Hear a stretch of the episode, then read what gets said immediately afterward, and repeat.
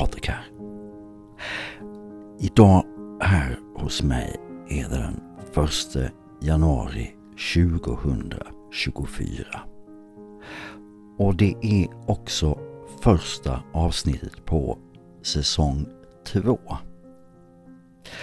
Och jag, jag vet inte riktigt varför jag ville starta upp en ny säsong för det mesta är ju sig likt.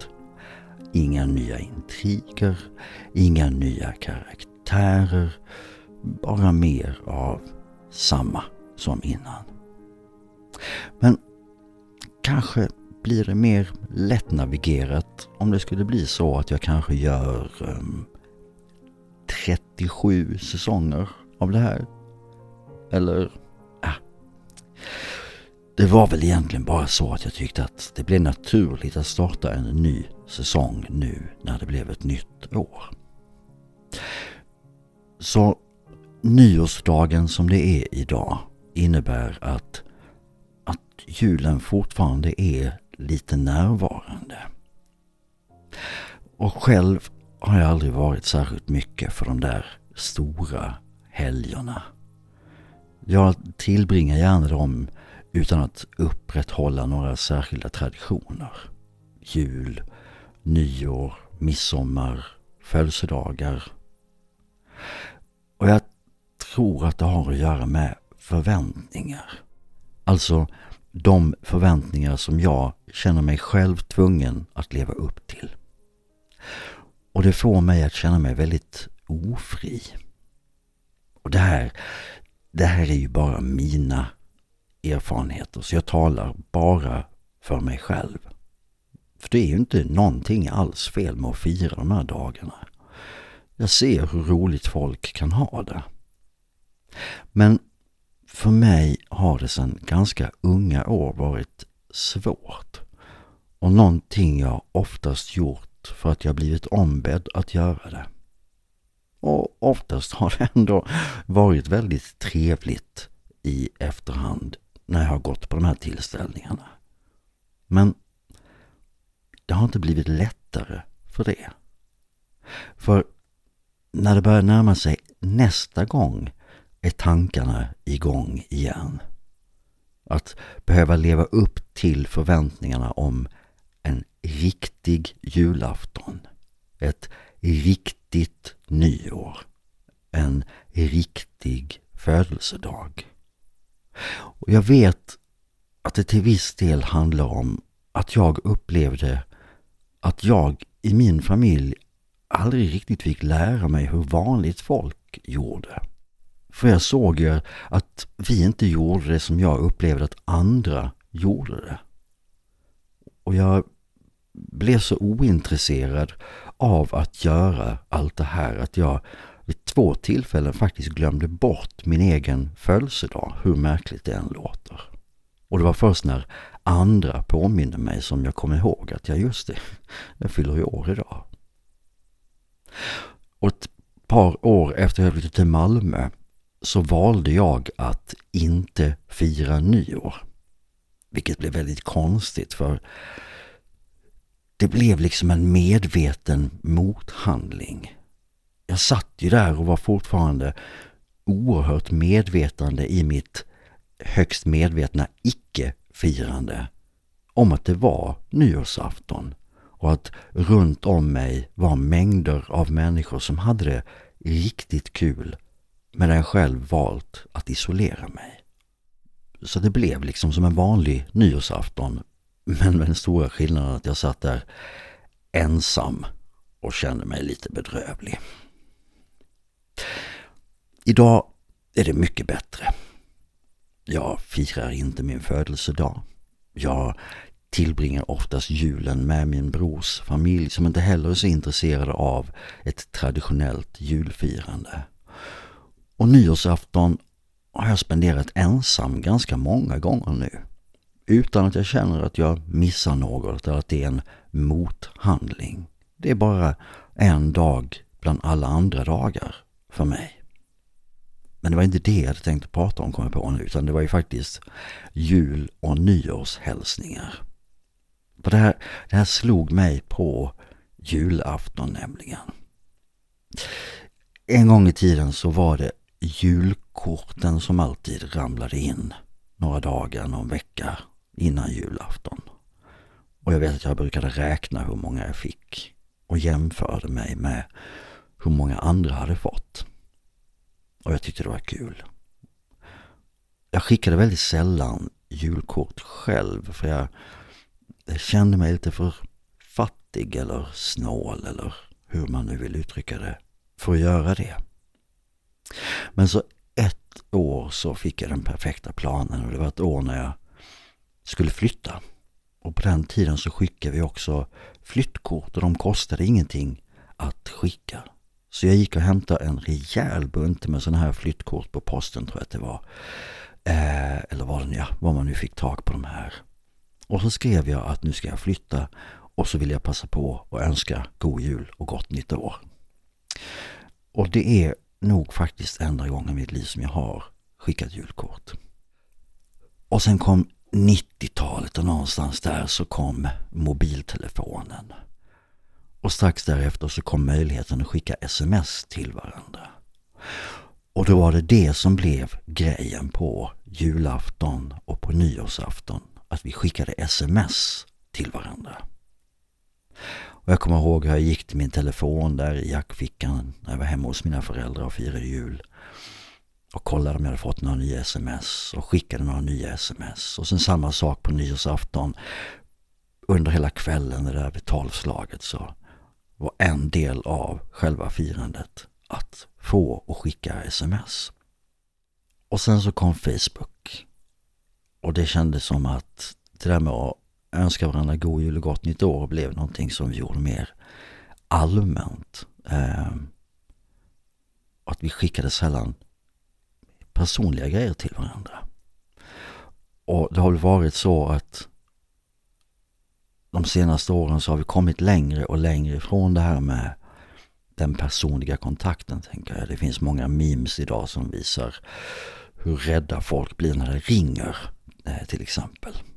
Ehm, och, och där på julafton i år så, så fick jag några personliga meddelanden på, på Messenger och på WhatsApp. Och jag fick som panik och blev liksom superstressad. Liksom, kan du inte bara skriva en kommentar på mitt senaste inlägg på Facebook eller Instagram eller skicka ut en allmän hälsning till alla? För nu blev ju det här väldigt personligt. Jag vet inte om det är mina år på landet och den generella isoleringen från människor som har kanske gjort mig lite extra nojig med sånt här. Välkommen till avsnitt 26. Detta första avsnitt på säsong 2 av Jag måste sova. Podden som det fortfarande är helt okej okay att somna till. Podden som det är tänkt att du ska somna till. Jag heter Patrik och jag hoppas att jag är lagom intressant. Jag har gett det här avsnittet ett litet tema och temat är fotoalbumet. Och starten för den här idén började på juldagen eh, då jag och min bror hade bestämt oss för att till slut gå igenom en hel massa fotografier efter både vår far och vår mor. Och det här är utan tvekan någonting som har tagit väldigt lång tid för oss att ta tag i. Vår mor gick bort 2017 och vår far 2005. Så vissa av de här fotona hade legat orörda i fotoalbum, i kuvert, i lådor i över 18 år. Och det var mycket, mycket fotografier. Vi pratar hundratals, kanske tusentals, jag vet inte. Men vi la ett gott stycke tid den dagen på att verkligen ta oss igenom allt det här. Och tanken var att vi skulle göra ett urval över vilka fotografier vi kände att vi ville behålla och att jag sen skulle ta med dem hem hit och scanna dem. Eh, skulle få digitala fotoalbum. Och på det viset skulle vi också kunna dela med oss av de här fotografierna till, till släktingar. Och det var fotografier från början av 1900-talet någonstans. Jag vet inte hur tidigt 1900-tal, kanske till och med sent 1800-tal. Eh, det var väldigt få av de här fotografierna som hade någon text på sig. Och sen bilder då fram till runt 2016-2017 någonstans. Och i slutändan så tror jag att jag fick med mig kanske, ja säkerligen ett par hundra fotografier hit. Och på de här fotona så var det väldigt många människor som inte hade en aning om vem de var. Uppklädda, fina, glada människor i olika sammanhang på platser som vi inte kände igen. Vi sparade en hel del av de fotografierna som jag vet inte riktigt varför vi sparade dem. Kanske för att vi tyckte de var fina. Kanske för att de kan få tjäna som inspiration till någonting för oss någon dag. Och sen var det en hel massa fotografier på våra fastrar och farbröder och farmor och farfar när de var väldigt unga och såg ut på ett sätt som vi aldrig hade sett dem. Bilder på fastrar som är nygifta, kusiner som har tagit konfirmationen, kusiner som har gift sig, släktmiddagar, julaftnar, utflykter upp till släkten i Flen, eh, bilder på min, min far och hans bästa vän som råkar vara min kusin, vilket kanske låter konstigt men det var bara ett år mellan dem. Och vi hade förstått, jag och min bror hade förstått att de hade varit kompisar hela livet, pappa och Bosse. Men så helt plötsligt fick vi se bilder på när de kanske är två, tre år gamla och leker ihop. Och fick ytterligare perspektiv på hur långt tillbaka deras vänskap sträckte sig. Och det var bilder på mig och min bror som barn och bilderna började bli färg. Det var väldigt mycket nostalgi kan jag väl bara sätta samman det som ett slutord för. Och det där med nostalgi är någonting som jag har lite svårt för. För att det innebär att då är mitt, mitt medvetande i dåtiden. Den flyr iväg till tider och förutsättningar som inte finns längre. Och det är någonting jag vet inte hur jag ska förklara men det är någonting som jag, jag gillar att vara i nuet. Jag fantiserar sällan om framtiden. Jag sitter sällan och prata gamla minnen med folk. Utan jag vill vara här och nu i möjligaste mån. Av olika skäl. Jag tror jag har pratat om det här med det här med att inte fantisera om framtiden. Att, att det har med mitt arbete som skådespelare att göra. Att, att det var en gång i tiden när jag gick på provfilmningar och, och började fantisera om, om jag skulle få jobbet. Och det var speciellt ett jobb där. Och det var att jag provfilmade för huvudrollen för en långfilm och den skulle spelas in i New York. Det var en svensk långfilm men den skulle spelas in åtminstone delvis i New York. Och min fantasi sprang iväg med mig och de hade tyckt så mycket om mig vid provfilmningen. Och I min värld så var jag redan i New York. Och sen helt plötsligt så blev det bara tyst. Jag hörde inte ifrån dem. Och sen när jag kontaktade dem så fick jag veta att de hade valt att ta en skådespelare i USA istället av ekonomiska skäl var det väl främsta skälet. Och det gjorde ont i mig att jag hade dragit iväg så mycket i fantasin. Men jag tror jag, jag fortsatte väl att göra det lite då och då. Men, men insåg att, att jag mest gjorde mig själv illa genom att fantisera om detta som oftast aldrig blev av. Och därför så stängde jag ner det här mer och mer. Tills att till slut nästan aldrig fantisera om framtiden för mer än väldigt, väldigt korta, korta stunder. Men okej, okay, var är jag på väg någonstans med det här? Jo, fotografier. Och jag hade med mig en himla massa fotografier hem som står i lådor där uppe på ovanvåningen nu och där är ett digert arbete att scanna allt det här. Och sen i mellandagarna så träffade jag en vän och vi pratade om det här med, med de här fotografierna och sen så sen kom vi att prata om min podd och att jag inte riktigt hade någon plan för vad mitt nästa avsnitt skulle handla om. Och då snappade hon upp den här tråden med fotografier och att jag kunde väl kanske bara välja ut lite fotografier från mitt liv och så prata om bilderna och situationerna som finns i bilderna, som är förknippade med bilderna på något vis. Och det var i all sin enkelhet en genial idé.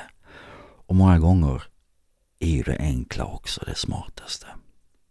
Så idag ska du följa med på utflykt till tio fotografier som jag har valt ut. Och vill du se vilka de här fotografierna är så kan du gå in på min Instagram. Och en länk till min Instagram hittar du i beskrivningen till det här avsnittet. Men du, om det är så att du tänker sova så behöver du inte leta upp de bilderna nu utan du kan titta på dem imorgon i sådana fall om du ska vara nyfiken.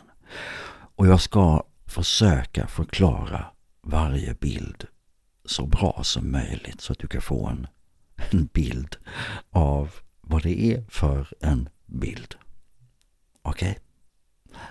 Då kör vi. Först vill jag bara att du ska veta att det kommer inte vara några super omvälvande historier kanske som ligger bakom de här historierna utan små berättelser ur min vardag. Okej. Okay. Bild nummer ett.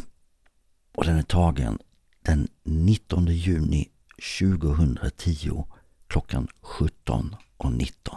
Och nu ska jag se om jag kan ge en liten beskrivning av vad som finns på det här fotografiet. På det här fotot så är det en katt. En katt som hette Michelle. Och hon ligger i fönstret på fönsterbrädet i min lägenhet i Malmö.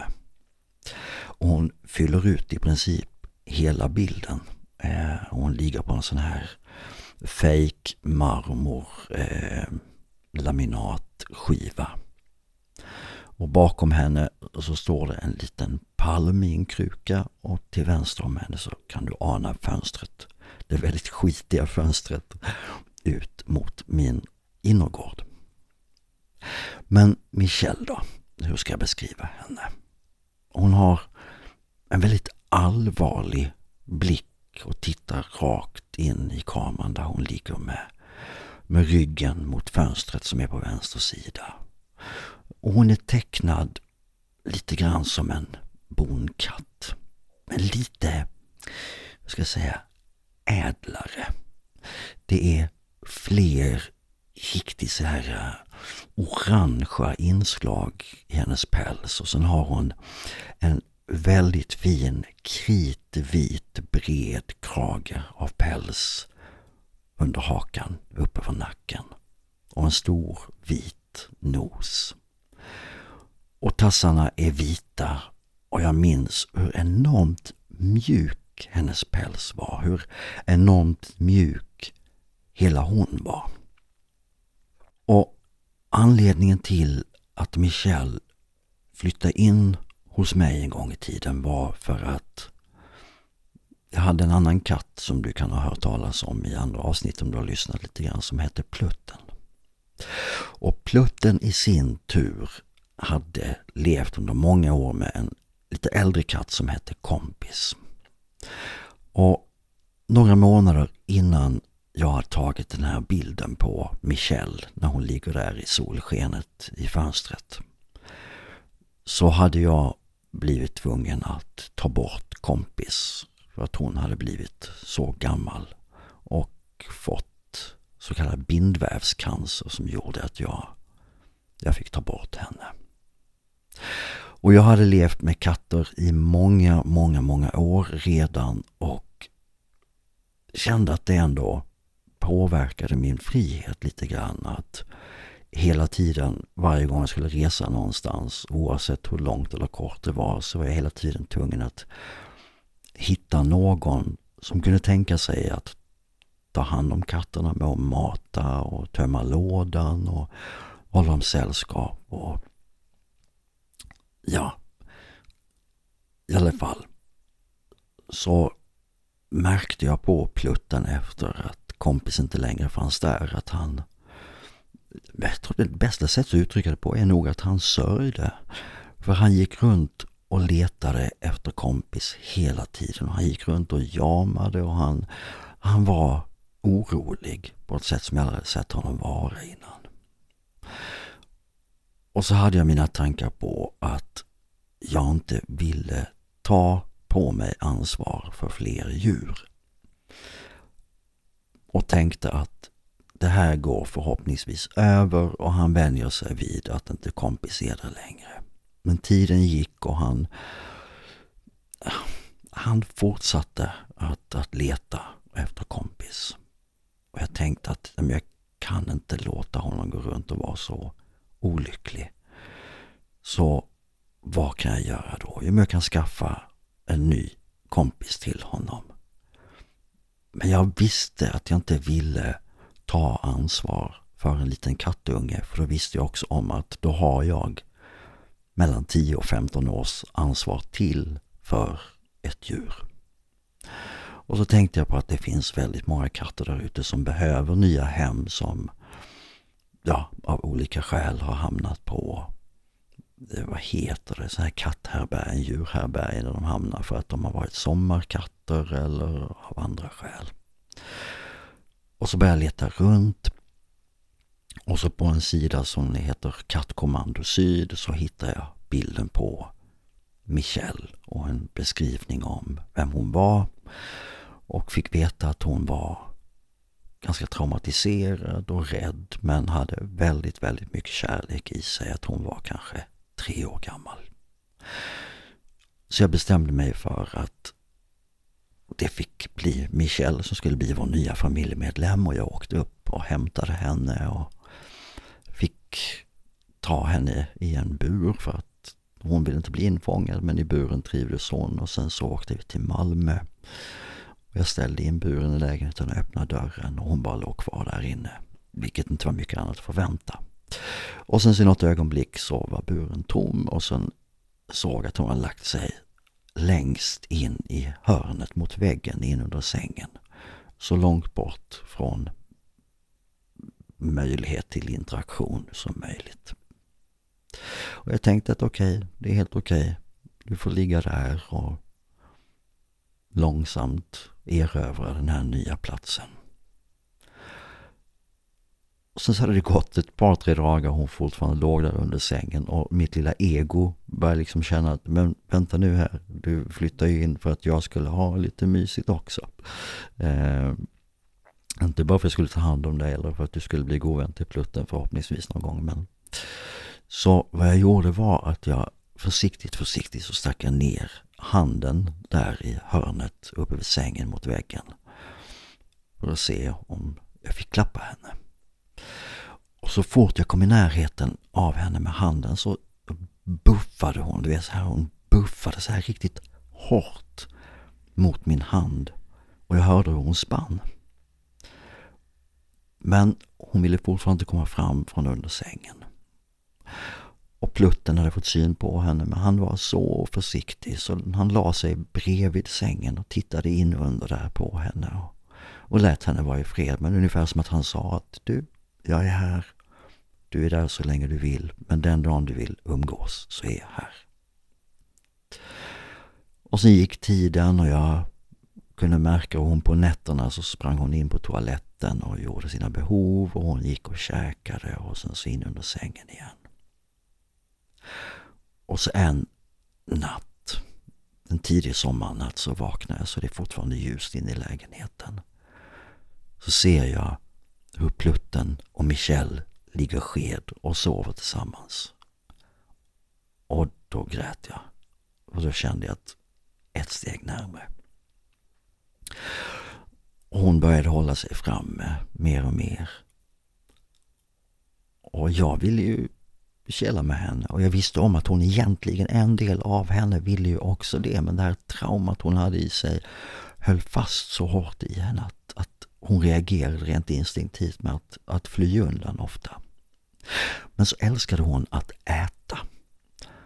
Så en dag när hon stod där och käkade så smög jag försiktigt upp bakom henne och lyfte upp henne kvickt upp i famnen.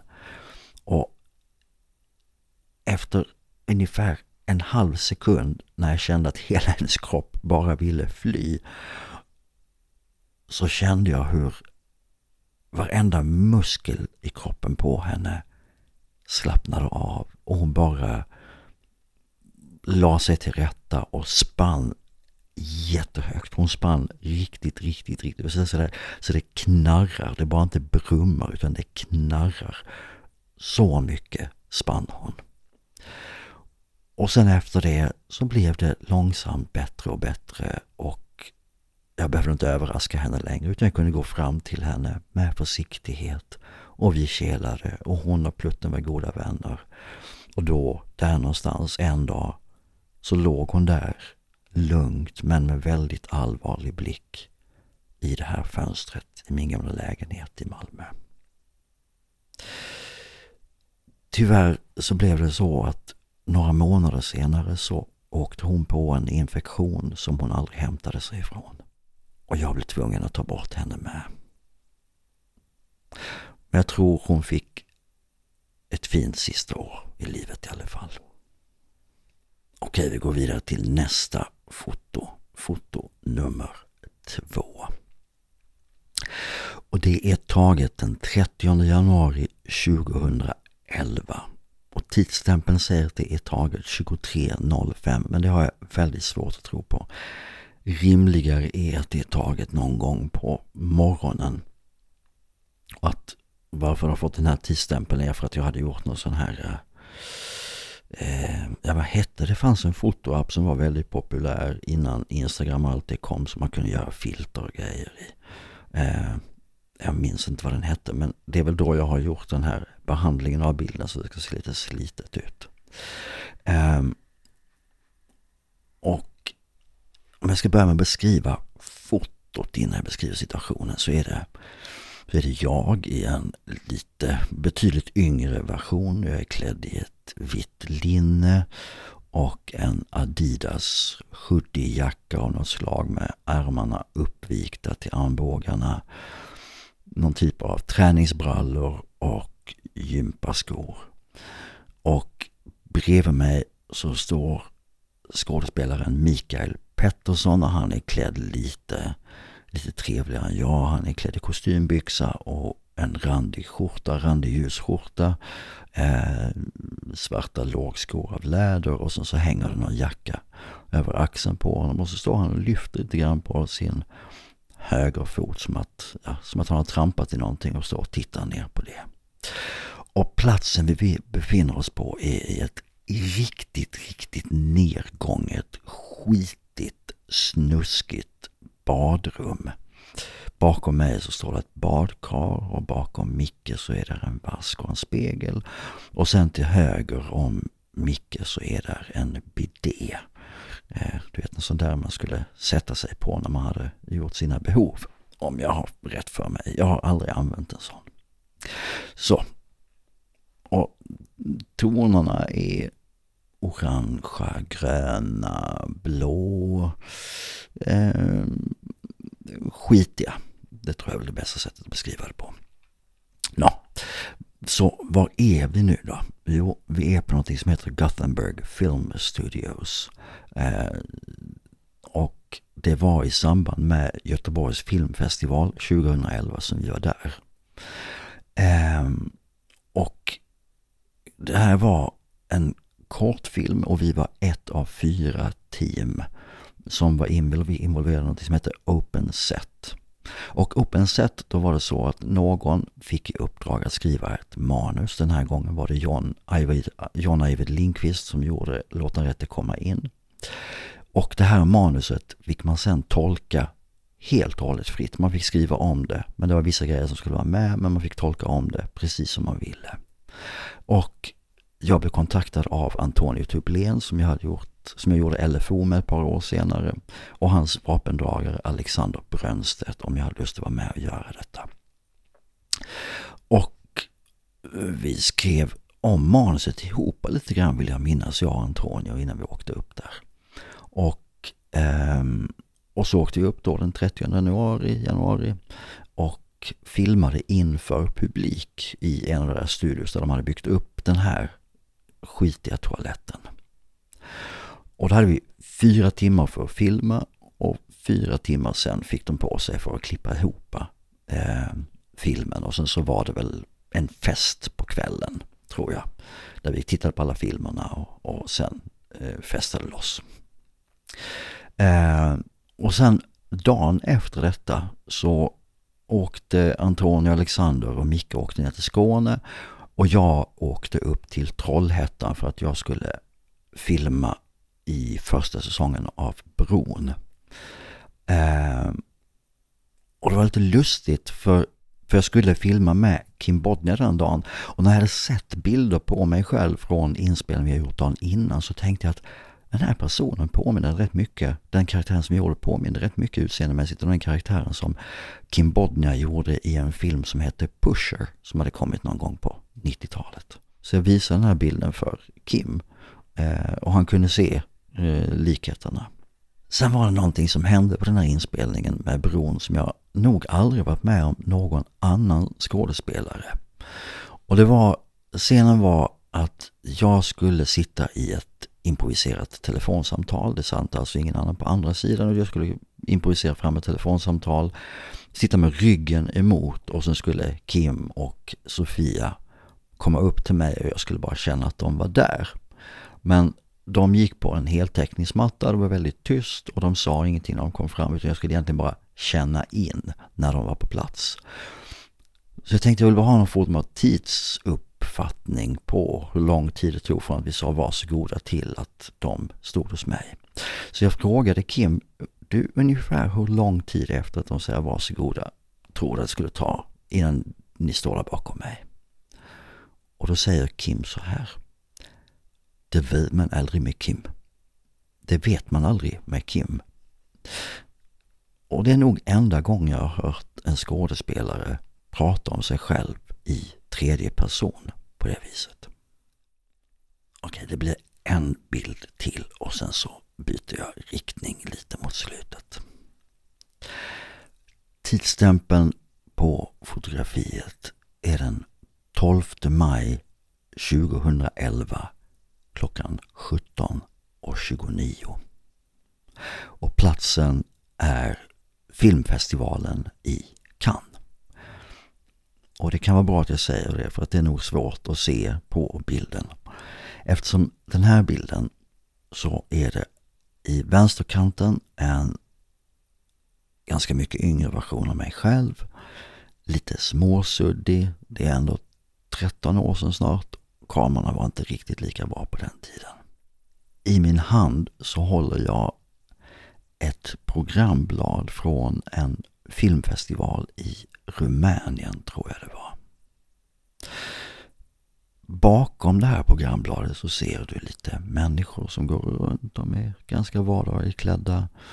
Eh, du kan se att det är en man i blå skjorta med mustasch som har Eh, en sån här eh, ska säga, festival-badge. Sån som du kan visa upp så att du har rätt att gå in på vissa områden som hänger runt hans hals. Så. Det här året var det första året jag besökte Cannesfestivalen och inför resan så var jag både lite, lite nervös, lite förväntansfull. Det var ju ändå är ju världens största filmfestival, mest prestigefyllda och jag visste jag inte riktigt vad jag skulle kunna förvänta mig och var väl rädd att jag skulle känna mig, känna mig lite bortkommen. Men det var snabbt avklarat. För den här bilden är tagen kanske en dryg halvtimme efter jag har ankommit till Cannes och jag och mina vänner har gått till någonting som, det finns ett område med massa så kallade paviljonger där de olika länderna har olika områden där man kan vara. Och då gick vi till rumänska paviljongen och sitter där och dricker ett glas vin skulle jag gissa. Och då ser jag ett programblad från en festival några år tidigare som ligger på bordet framför mig. Och jag öppnar den. Och vad får jag syn på där? Jo, en bild på mig själv. Så på det här fotot så är det också ett foto i det här programbladet som jag pekar på. Eh, och nu kan jag inte se vad det står, men i alla fall, det är jag på bilden där. Och då kände jag mig helt plötsligt mycket mer välkommen och mycket mer vän med Cannesfestivalen. Det tog 30 minuter och sen var allting löst. Jag tänkte jag skulle använda den sista stunden på det här avsnittet till att prata om dofter och hur de kan ta oss tillbaka till platser på en mikrosekund. Jag har en sån där grej med ett schampo som inte finns längre. Men när jag kände lukten av det så minns jag exakt ett, ett antal år innan var jag var någonstans, vem jag umgicks med, vilka kläder jag hade på mig. Allting som var förknippat med den lukten och det gick blixtsnabbt. Känner du igen det? Och en lukt, det är varma majstortillas. Alltså gjorda på vit majs. Och Old El Paso har sådana, om du skulle vara nyfiken om du inte har känt lukten av dem. Den lukten placerar mig i Mexiko.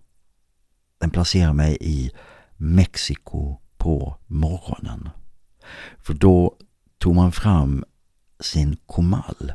Och en komal, det är som ett stekjärn som man värmer upp majstortillas på. Och det är en av de allra första lukter jag minns från Mexiko. Just den lukten. Varma majstortillas på en komal. Det är ett kök i staden Monterrey i nordöstra Mexiko. Och nu när jag tänker på det så inser jag att många av mina minnen från Mexiko har koppling till just lukten av olika maträtter. Mole, chilaquiles, tacos, solmogna gula mangos, salsa verde, salsa rojo, gigantiska avokados med ljusgrönt blänkande skal, en dryck som heter Jamaica, en annan dryck som heter orchata, grillad vit majs dränkt i lime och tajin, mezcal, men många minnen med Mexiko är också kopplade till ljus och färg. Och ljuset där känns annorlunda. Det känns varmt. Det, det, det, är svårt att beskriva ljus, inser jag nu. För att jag var på väg att säga att det känns ljusare och varmare. Men det är någonting annat. Det är någonting i kombinationen mellan ljuset och de färger du har runt omkring dig. Och såklart värmen, allting påverkar. Men det känns annorlunda. Och det är så mycket färg överallt i Mexiko. Den lilla staden Guanajuato till exempel, den är som en, en kakafoni av färger. Och visste du att för oss skandinaver så ligger månen på fel håll. Den, den ligger ner liksom. det kommer jag ihåg att det kändes väldigt, väldigt märkligt. Då kände jag mig som att, vänta nu här, nu är det science fiction här. Men i alla fall lukten, lukten av majstortillas som värms upp på en komal. Den tycker jag om. Och sen har vi en annan lukt som kanske känns lite udda. Men det är en lukt som jag tycker om ändå. Och jag kommer såklart att berätta varför. Och det är den lukten av bränd kol från kolkraftverk. Och jag kan tänka mig att det är väl en ganska okänd lukt idag för de allra flesta. Och för de som minns den kanske inte minns den heller som en god lukt. Men för mig luktar den otroligt gott. Och i min barndom representerade den staden Birmingham i England. Och jag minns hur jag och min lillebror hämtades av min kompis Michael och hans pappa Neville på Heathrows flygplats eller i hamnen i Harwich. Och när vi började närma oss Birmingham kom också den där lukten av bränt kol.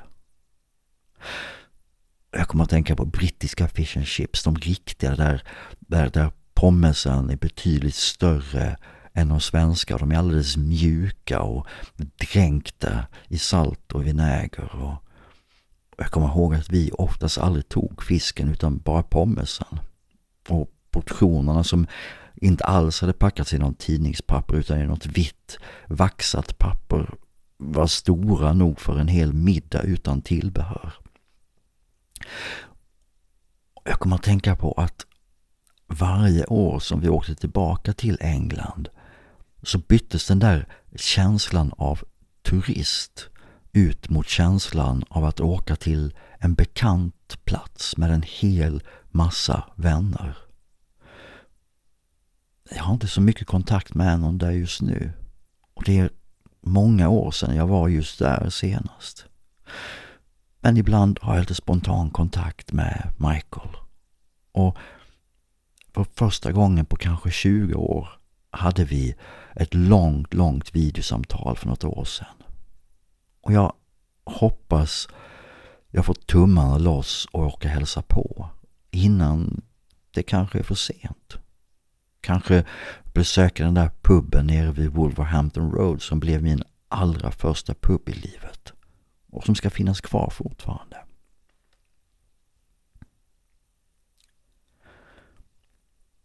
En lukt till då. Koskit. Jag vet inte om man kan objektivt säga att någonting luktar gott eller illa. Eller om lukter alltid är subjektiva. För, för mig så luktar koskit barndom. Det luktar trygghet. Det luktar enkelhet. Och kanske luktar det inte så himla gott egentligen. Även om jag tycker det. Jag, jag tycker det luktar mysigt. Det luktar gamle Gunnars och Annas stall från där hemma när jag var barn. Eller farbror Torsten och faster Doris utanför Flen. Bekymmerslöshet. Jag minns magin när någon av kossorna hade fått en kalv. Och kalven, den där känslan när man lät kalven få suga på ens fingrar.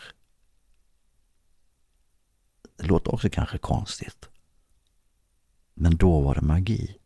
Fullkomlig magi. Koskit var magi. Okej, jag gör en 90 graders sväng här igen. Och en sista liten grej innan jag stänger butiken.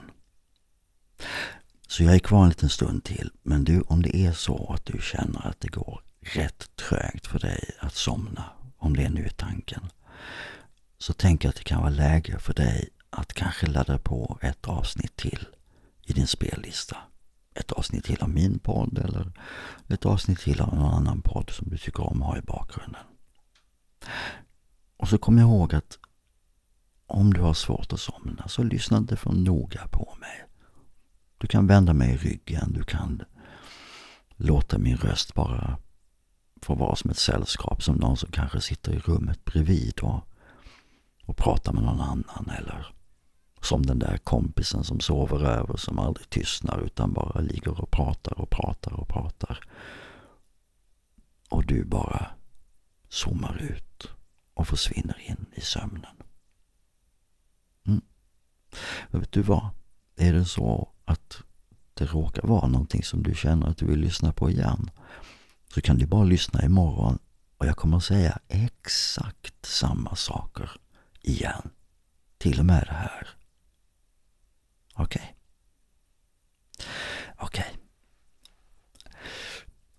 En vän till mig hon berättade om ett samtal hon hade haft med en väldigt speciell kvinna i 90-årsåldern.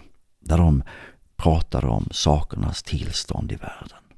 Och den här kvinnan, vi kan väl kalla henne för tant Kit. För jag hade en tant som hette det när jag var liten. En krum, skrynklig, brunbränd kvinna med guldarmband fyllda med mängder av berlocker. Och alltid med ett alldeles fantastiskt leende. Får du en bild? Vi kan väl säga att det är hon. Så när min vän sitter där och ger uttryck för en känsla av hopplöshet så säger tant Kit ungefär så här. Det är så många som tror att den lilla människan inte kan förändra något och som tänker vad kan lilla jag göra? Hur ska jag kunna förändra något? Men se, jag har sett det med mina egna ögon hur människors vilja kan flytta berg. Och vet du, jag brukar alltid säga att det finns socker och salt. Du kan vara saltet. Man behöver så lite salt för att förändra så mycket. Var saltet. Och det fick mig att tänka på några episoder i mitt eget liv. För att när jag var yngre var jag ofta en ganska arg människa i stort och smått. Och jag kände, jag kände ofta ett stort behov av att utan att någon bett om det vädra denna ilska, vädra min sanning. Världen var mer svart och vit och många gånger var det en rejält naiv bild jag agerade utifrån. Och ju äldre jag har blivit, desto mer komplex har min världsbild också blivit. Och det har blivit väldigt svårt för mig att förhålla mig ensidigt i frågor. För när jag gör det, när reptilhjärnan sätter in och jag tänker att något är för jävligt och om bara så knackar jag för det mesta ganska snabbt på min egen dörr och säger Jo Patrik, men och detta men handlar om förståelsen att världen är ett gytter av nyanser. Att det nästan alltid också finns något att förstå i den andra sidans perspektiv. Och det kan ibland kännas lite hopplöst att behöva acceptera hur komplext det kan vara att inte en enda quick fix i världen kommer att lösa upp rötan som jag upplever på så många ställen på vår jord. Men jag är tacksam att jag har fått denna ambassadör inom mig som inte låter mig hänfalla åt ensidiga argument. Som säger ajabaja och inte accepterar ett tunnelseende. All den ilska och mentaliteten att jag har rätt och du har fel som jag ser varje dag, inte bara på sociala medier, är jag helt övertygad om söndrar mer än det helar. Jag vågar säga att det definitivt inte för oss närmare varandra.